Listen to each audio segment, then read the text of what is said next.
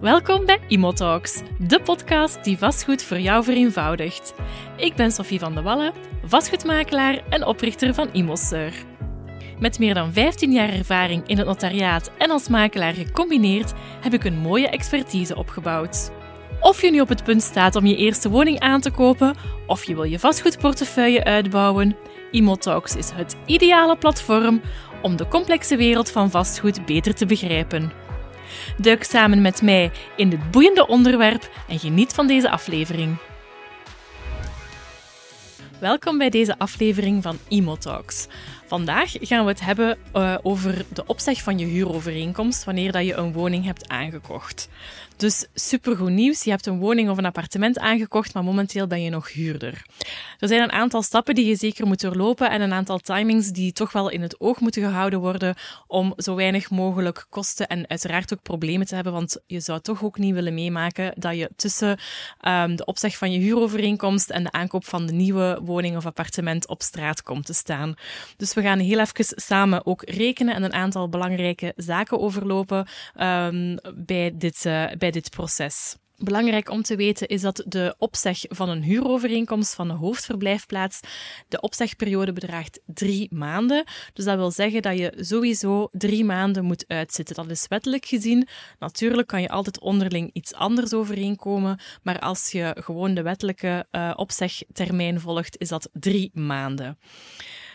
Afhankelijk van wanneer je de huurovereenkomst opzegt tijdens de looptijd van jouw contract, um, zal er een schadevergoeding of een opzegvergoeding moeten betaald worden. En dat hangt af van het jaar waarin dat je opzegt. Als je al uh, drie jaar huurt, na het derde jaar is er geen uh, schadevergoeding uh, meer verschuldigd. Dus eigenlijk vanaf het vierde jaar ga je geen um, vergoeding meer moeten betalen voor de opzeg. Maar alles, uh, het eerste, als je opzegt tijdens het eerste, het tweede of het derde jaar van je overeenkomst, zal er een vergoeding verschuldigd zijn. Dat is wettelijk bepaald, kan altijd van afgeweken worden. Mocht je een toffe huisbaas hebben die zegt, ah, als je een nieuwe huurder vindt of zo, um, ga je die niet moeten betalen. Maar dat is eerder een uitzondering. Maar we komen het wel tegen. Dus we hebben dan een opzegvergoeding. Um, die zal moeten betaald worden in het, uh, als je opzegt tijdens het eerste jaar, het tweede jaar of het derde jaar van je huurovereenkomst. En het bedrag van die vergoeding hangt eigenlijk af van het type contract dat je uh, hebt afgesloten. Voor huurovereenkomsten van uh, afgesloten voor een periode van negen jaar, dat zijn de huurovereenkomsten van lange termijn, bedraagt de vergoeding respectievelijk drie maanden huur, twee maanden huur en één maand huur, afhankelijk van het jaar. Dus het derde jaar is nog één maand huur uh, die je zal moeten extra betalen als opzegvergoeding. Heb je een huurovereenkomst afgesloten van korte duur, dan bedraagt de vergoeding um, anderhalve maand, één maand of een halve maand, afhankelijk dus ook van het jaar waarin de opzeg plaatsvindt. Om dan eigenlijk te gaan bepalen van, ja, wanneer moet ik nu mijn brief sturen naar mijn verhuurder, um, stel ik voor dat je heel even kijkt dan, wanneer kan ik de sleutel van de nieuwe woning of appartement uh, ontvangen. Er zijn drie opties. Het zij voor de akte, dus dat wil zeggen dat je de sleutel krijgt uh, voor het verleiden van de akte.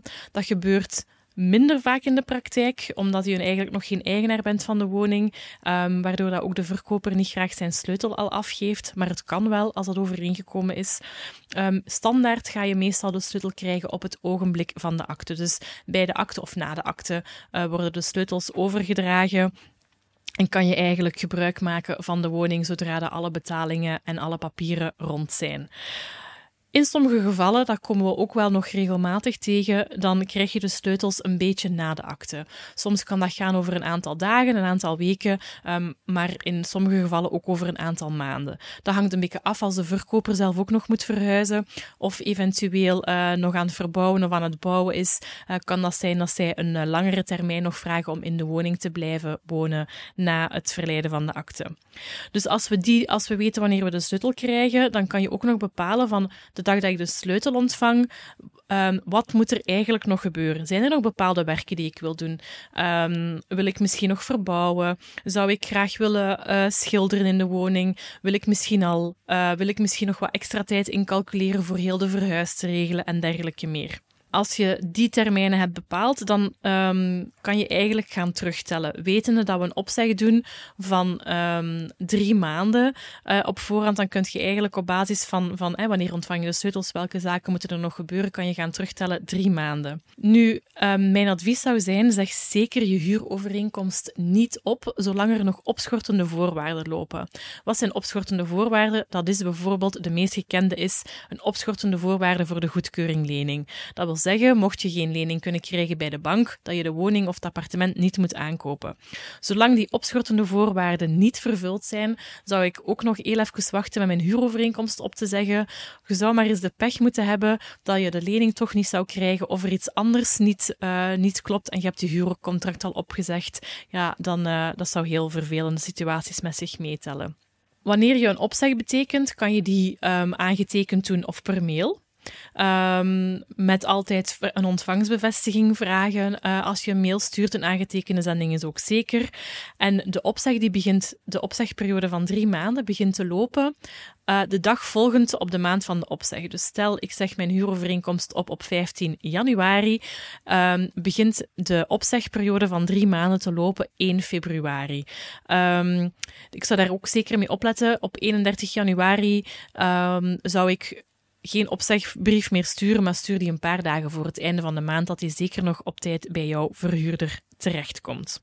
Je hebt je opzeg gedaan, de akte is getekend, je kan verhuizen. Um, zijn er toch nog een aantal zaken dat je rekening mee moet houden wanneer dat je je huurpand uh, gaat verlaten? Um, er zal ook een plaatsbeschrijving terug doorgaan. Um, op het moment dat je uh, uit je huurwoning trekt, uh, zorg ervoor dat je de woning kan achterlaten in de staat dat je die hebt ontvangen. Um, dat wil ook zeggen, de, bijvoorbeeld de siliconen aan de badrand um, terug netjes, de, de brander opnieuw laten keuren als dat van toepassing is. bijvoorbeeld de filters van de damkap uitkuisen. Je kan altijd aan je verhuurder of het, of uh, bureau dat de plaatsbeschrijvingen verzorgt een uh, checklist vragen van zaken die je zeker in orde moet brengen om op die manier ook zo weinig mogelijk um, schadevergoeding uh, te betalen bij uittreden. Er zijn een aantal stoeme dingen, zoals bijvoorbeeld de keuring van de brander, die durven vergeten te worden. En dat is eigenlijk zonde um, dat je daar dan nog moet voor gaan bijbetalen. Op de dag dat je je huurwoning gaat verlaten, ga je ook alle sleutels afgeven en um, zal ook de overdracht van de tellers plaatsvinden, zodat um, jij alles kan mooi achterlaten en de nieuwe huurder een uh, frisse nieuwe start kan beginnen.